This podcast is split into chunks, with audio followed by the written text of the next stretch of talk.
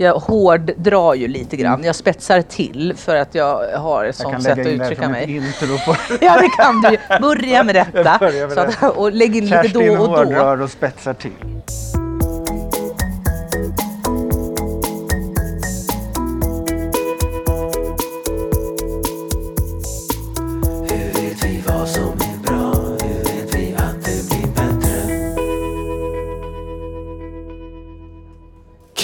Kafferast i Kunskapsfabriken. Välkommen till Kafferast i Kunskapsfabriken. Tack så mycket. Kerstin Evelius. Vi konstaterade just att jag skulle kunna göra fyra, fem avsnitt med bara dig eftersom du har jobbat med så många saker kring psykisk hälsa de senaste åren. Mm. Vad är det du, du har två uppdrag idag egentligen? Ja, har jag? jag tycker Är det du jag är särskild utredare Ja, det, det, är nog, det är nog det det står på mitt anställningsavtal, tror jag, särskild utredare. Men eh, i, betänk- eller i, i eh, direktiven så står det eh, en särskild utredare i form av en nationell samordnare. Okej. Så jag har, jag har två former snarare än två saker att göra. Ja, ska, men det är i alla fall du. Det är jag. Ja, det är jag. det är Kerstin. jag. Mm. Så, ja, det, det känns bra. Men det jag tänkte prata med dig om, det var en sak som du var med på en konferens i förra veckan som handlade om brukarrevisioner när NSPOs och RSMOs brukarrevisionsprojekt hade sin avslutningskonferens. Eh, och du pratade ju där om eh, vikten av att ha bra metoder av att lyssna på brukare och patienter. Eh, och då visade du också några overheadbilder där du beskrev lite hur du tycker att idealbilden av hur, hur man bygger upp med kompetens och, och kunskap kring det som ska utföras i välfärden. Det var den ena bilden och den andra bilden var hur du liksom på något sätt ändå tycker att efter alla år du har jobbat med de här sakerna verkar tycka att det ändå trots allt funkar. Ska du säga något om vad den där idealbilden beskrev? Ja, alltså, jag tänker att idealbilden blir ju på något sätt att man sätter den här personen, personen som det berör måste ju stå i centrum, det måste vara den stora bollen så att säga. Det, det är därifrån allting utgår. Eh, sen för att kunna möta de behoven som just den här patienten eller brukaren har så behövs det eh, kompetens, eh, kvalitet, kunskap och lite kontroll behövs det också, att vi kontrollerar att vi gör det vi ska. Eh, och de där två är lite mindre ringar, eller de där fyra rätt sagt, det är lite mindre ringar och det, syftet i det, det är ju att byta fokus till vad är det vi ska göra i hälso och sjukvården, vad är det vi ska, ska göra i socialtjänsten? Jo, vi ska möta en persons behov och ingen person är den andra lik. Och det vet vi med bestämdhet och särskilt när det gäller lite mer suddiga de lite mer suddiga psykiatriska diagnoserna eller psykiska ohälsan. Det kommer att se olika därför, ut för olika människor därför att man, det, är liksom, det är beroende av det liv man lever vid sidan av sin sjukdom, för den är ju sannerligen inte allt. Och det är inte bara den som vi behöver jobba med, utan det är en massa olika parametrar som vi behöver ta hänsyn till. Eh, och då måste ju individen stå i centrum och resten ska liksom, man ska fylla på med kompetens, kvalitet, kunskap och lite kontroll. Då. Eh, för så måste det vara om vi ska kunna möta komplexa behov.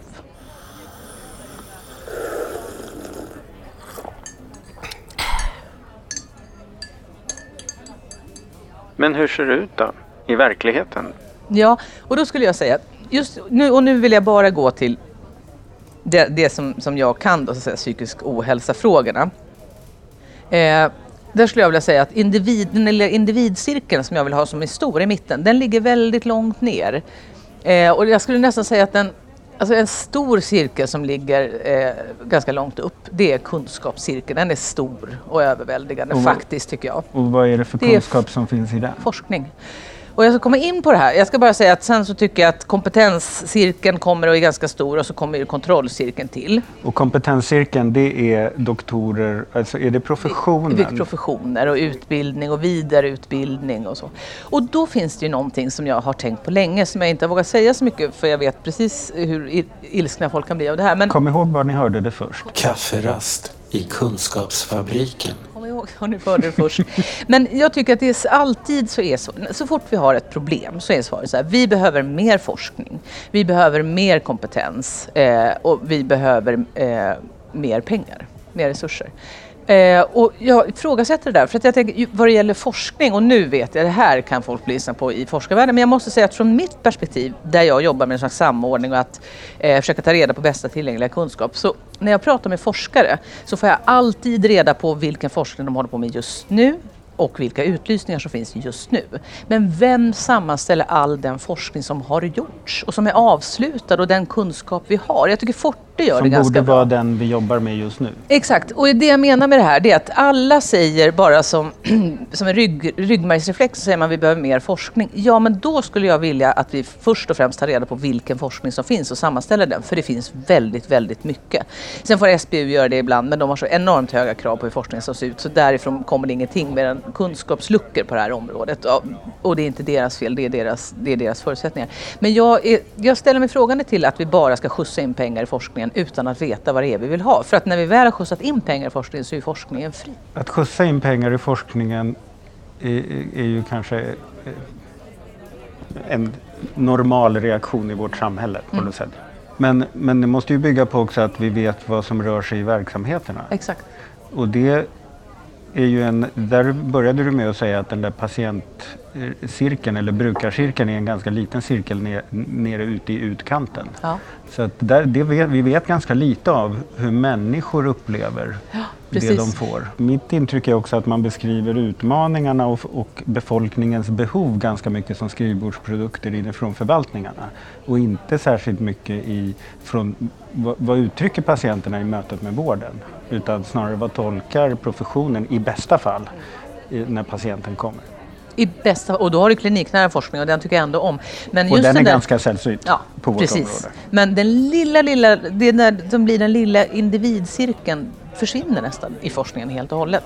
Så att där måste man ju säga också att Eh, att hur, hur ska vi kunna ens argumentera för att vi har ett personcentrerat och då menar jag mer att, att satsningar är personcentrerade när de blir så väldigt långt ifrån. Så att säga. Sen som sagt, grundforskning är säkert jätte, jättebra. För mig blir den bara, jag tycker i alla fall att vi måste ha ett kritiskt tänkande när det gäller att bara helt ryggmärgsreflexmässigt säga att vi behöver mer forskning.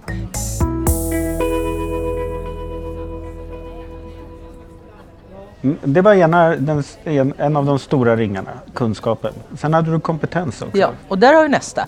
Det är det andra ryggmärgsreflexen. Ja, om vi bara hade mer kompetens, då skulle allting bli bra. Och då är det så här, vi behöver fler specialister och specialister och vi behöver högre specialister och alla vill bli specialister. Samtidigt så tänker jag att det som drabbar patienter, brukare och närstående. Det är ju inte sällan så att när du har en specialist eh, så blir den specialisten specialist på eh, säg en, eh, en, en given eh, psykiatrisk sjukdom. Har du då två eller tre, vilket inte är sällsynt, då måste du plötsligt gå till två eller tre olika specialister. Jag besökte en öppenvårdsmottagning i Stockholm eh, och där har man ju högspecialiserat ganska mycket i allmänpsykiatrin ändå. Eh, och jag blev alldeles, jag blev alldeles eh, vad ska jag säga, vad blev jag för någonting? Jag blev förundrad över hur man då, här var en ångest och affektiv mottagning, tror jag. Eller för affektiv depression kanske. Tänker jag så här att de- de där ligger väl lite nära för mig, tänker jag, de där två sjukdomstillstånden. Men då var det dessutom så att man hade två olika korridorer för de sjukdomstillstånden. Och jag tänker att här har du, och så vet vi att de allra flesta som har en psykisk ohälsa har ganska många diagnoser av olika skäl och det finns olika skäl till det. Eh, men, och då tänker jag så här att den där liksom behovet av, av ökad kompetens och högspecialisering det gör ju att du får springa till olika korridorer för dina olika bekymmer och jag vet inte hur det hjälper egentligen den enskilde. För att för en enskilde, den enskilde säger ju inte att jag vill ha den absolut och jag vill ha den absolut bästa hjälpen, självklart, men på helheten. Dessutom eh, så, tror jag, alltså, så får jag också signaler om att det är så att när man sitter på en sån där väldigt högspecialiserad och så väldigt duktig på sådana ångestsjukdomar så, är risk, så, så upptas en del tid av att skicka tillbaka remisser till primärvården. Därför att de här var inte alls tillräckligt sjuka, så då får ni ta det i primärvården istället. Alltså, det här är bara ett sätt för folk, eller för, för patienter att trilla mellan stolar. Jag tänker snarare att vi behöver tänka vilken kompetens, hur mycket av den och var? Jag tror att det är det som är den stora utmaningen. För vi kan alltid, jag menar vi... Alltså vi själva b- b- hur man fördelar sprider ut trupperna. Ja, vad sit, vad sit, alltså jag tänker lite grann det här med psykologer så lärde jag mig nu och nu, det här är, har jag hört på en föreläsning så jag kan liksom inte gå i god för det eller ha en egen referens på det men att vi utbildar fler psykologer än någonsin. Sen går ju många i pension också. Då så tänker jag sådär att ja, men sitter, har vi då psykologerna på rätt plats? När vi tittar på barn och unga och hur vi, hur vi har organiserat det där på vissa ställen så, eh, så är det ju så att man har organiserat så att man har en elevhälsa med en skolpsykolog eller flera. Eh, man har ungdomsmottagningar med psykologer, man har eh, BUP-mottagningar med psykologer, man har primärvård med psykologer, man kanske till och med har psykologer i socialtjänsten kan hända. Och då är ju frågan, behöver vi, alltså är det här smart att ha fem eller sex olika organisationer med, som alla bemannas på samma sätt med bland annat psykologer som För barnen ungdomar. Ja, för unga och barn och unga. För egentligen blir det ju för patientbrukare och föräldrar i det fallet så blir det ju mest en massa olika öar att simma emellan, tror jag. Och en som massa ser stolar. lite bedrägligt likadana ut Ja. allihopa. Mm. Hur förhåller sig den här kompetensbubblan till kunskapsbubblan? Alltså hur bemanningen, kompetenserna, hur, hur förhåller de sig till forskningen?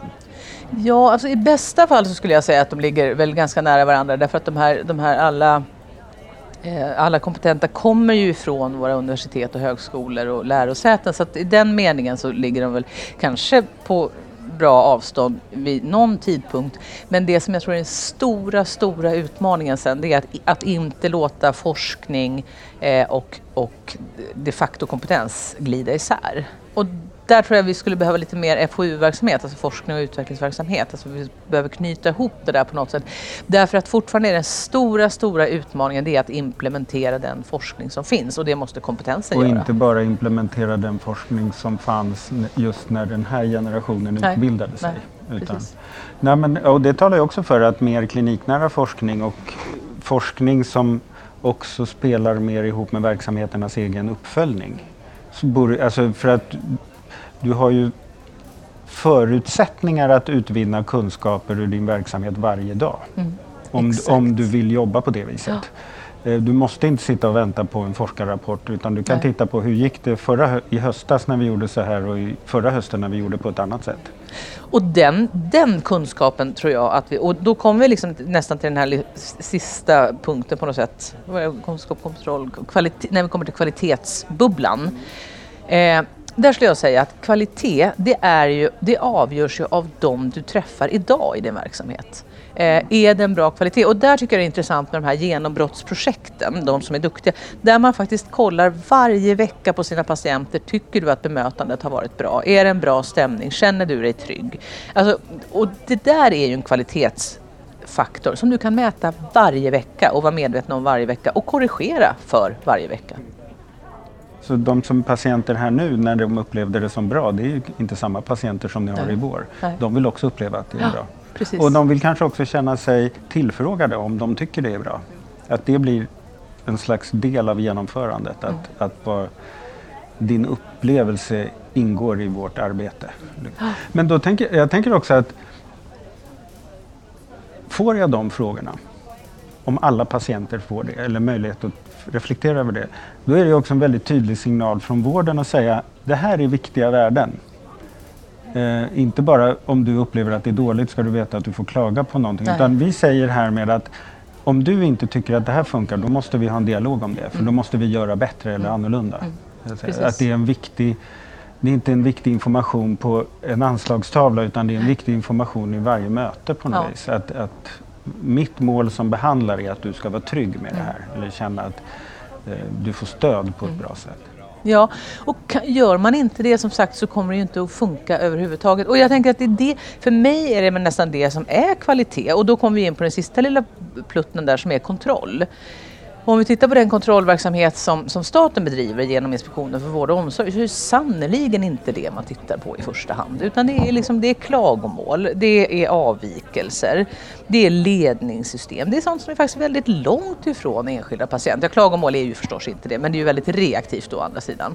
Ja. Ehm, och jag, jag, det finns ju en poäng i det, för, för den myndigheten har ju också begränsade resurser. Man kan ju inte kolla på precis allting. Men jag tror att man...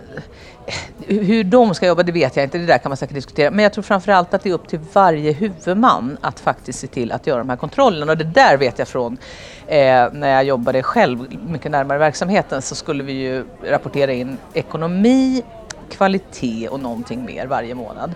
Men sen under sommarmånaderna så följer alla kvalitetsrapporteringar för att då folk hade semester och sådär. Det var ingen som brydde sig så mycket om det. Det var bara ekonomin kom in. Kom inte ekonomiredovisningen in så skulle, fick ju någon avgå naturligtvis. Det är ju Men- en indikator på vad som är viktigt här i världen. Exakt, Ja. exakt. Och jag tänker att det borde vara precis tvärtom. Att det är kvalitetsredovisningarna måste jag båda ska väl komma in, man ska väl ordna det. Men, men kvalitetsredovisningarna är minst lika viktiga som ekonomiska redovisningar om vi ska ha kvalitet i verksamheten. För kvalitet mäts ju ofta dessutom som att vi ska ha så få avvikelser som möjligt. Men det är ju ett yttre mått. Det är ju ett yttre mått på att någon har gjort gravt fel eller så. Men Det förutsätter ju också att du vet exakt vad det, hur allt borde göras. ja, Eh, om I en riktigt väl patientcentrerad vård eller brukarcentrerad vård så är ju allting avvikelser. Mm. För att allting är exklusiva lösningar för, att- för att vi vill träffa 100% rätt i varje fall. Så hela systemet, och det är väl det som nästan blir kontentan, hela systemet och hela retoriken och hur vi diskuterar det här, det är ju att vi pratar om att vi ska ha patienten i centrum, men alla system drar åt andra håll. Man tittar på forskningen och föreslår vad den ska göra härnäst istället för att försöka få ordning på, lära sig något av det den redan är klar med.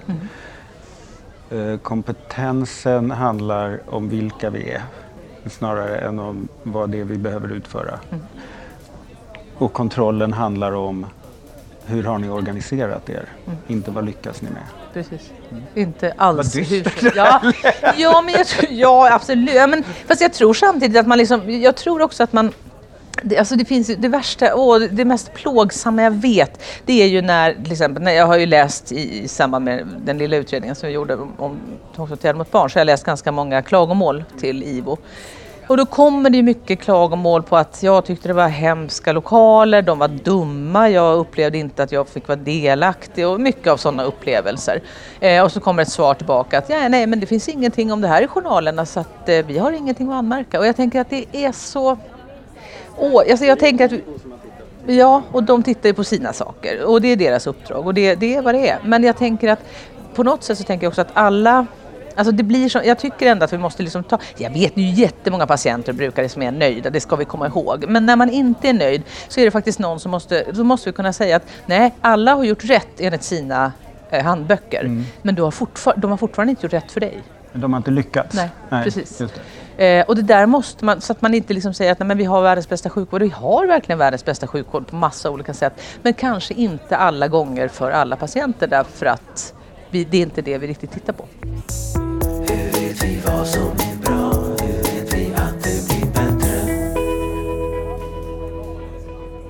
Med tanke på vilken konferens jag hörde dig här om sistens, nu slog det mig faktiskt igen det här med IVO och deras inspektioner och när de bläddrar i journaler och sånt där. De borde ju, de borde ju försörja oss med brukarrevisioner. Alltså IVO borde ju ha ett team av brukarrevisorer som är ute och träffar patienter på, på avdelningar de vill inspektera och sådär. Det Jag får fan jag får ringa dem. ja, ja, Det är en utmärkt idé. Ja, det är en alldeles utmärkt Då idé. skulle Det- man ju också kunna liksom kvalitetssäkra revisionerna på ett annat sätt om man liksom och där skulle du få, åh, det skulle ju liksom, det skulle vara fantastiskt, du skulle få massvis med inspel till forskning på det sättet därför att du får en ögonblicksbild hela tiden. Vad är det som är problematiskt? En del kommer att kvarstå över år, en del kommer inte att göra det. Du får en möjlighet att ställa rätt frågor. Det tycker jag är skillnaden när jag har, eh, både när jag jobbade närmare verksamhet och hade, anställde mycket brukarinflytande eh, samordnare och sådär, eh, som jobbade med kvalitet och revisioner. Och sen så även nu när jag har, eh, när jag har referensgrupper som består av personer med egen erfarenhet. Det blir en helt annan typ av frågor. Därför att som professionell, inte minst jag själv, verkligen, så fastnar man in i, sina egna för, i sin egen förförståelse för vilka frågor som är viktiga. Eh, till exempel med, med, när vi tittar på tvångsåtgärder, då är ju den allmänna förförståelsen hos mig och myndigheter rättigheterna och barnrättskommittén i FN, det är ju att att, eh, avskiljning och eh, bältesläggning. Det är det absolut mest ingripande, det måste förbjudas. Men när jag pratar med de unga själva så är det ja, absolut, det där är ingripande. Men också att någon tar ifrån en ens mobiltelefon är väldigt ingripande. Det har jag inte tänkt på. Så att om vi inte låter patienter, brukare, anhöriga själva bestämma vad som är viktigt så kommer vi titta efter fel saker hela tiden, tror jag. Jag hörde om någon sån här dammsugartillverkare som har en vad fan-forskning. Eh, och det är att man låter alltid, när man gör en ny dammsugare så låter man människor gå runt och dammsuga och varje gång de säger vad fan så har man det inte, för vilket man gör Ja, ja, när man dammsuger, man får den på tån eller den åker upp och ner eller fastnar eller vad det är för Ja. Så då har man vad fan-forskning och det är just det där Mm. att hitta vad fan, och det kanske man, tänk man kunde ha lite vad fan-forskning på, eller vad fan-uppföljning åtminstone. Ja, just det. Var Bra. uppstår detta någonstans? Vi har, vi har några bra idéer här. Mm. Vad fan, forskning. Det kan jag ta med mig tillbaka till brukarrevisionsprojektet. eh, och eh, få IVO börja göra brukarrevisioner. Mm. Ja, du kör på det. Det Börja där. Vi börjar där. Ja. Tack för att du tog dig tid som det heter Ja, i poddvärlden. det var roligt. Ja. Ja. roligt. Eh, och sen som sagt då att, att eh, nu alla som, alla som känner sig kränkta och trampade på tårna. Ja, jag spetsar till det lite för det blir roligare då. Det blir roligare diskussioner. Eller hur? Visst Det blir det. Tack ska du ha Kerstin. Hej. Den här podden görs av NSPH, Nationell samverkan för psykisk hälsa. Läs mer på vår hemsida www.nsph.se eller följ oss på Facebook, Kafferast i Kunskapsfabriken.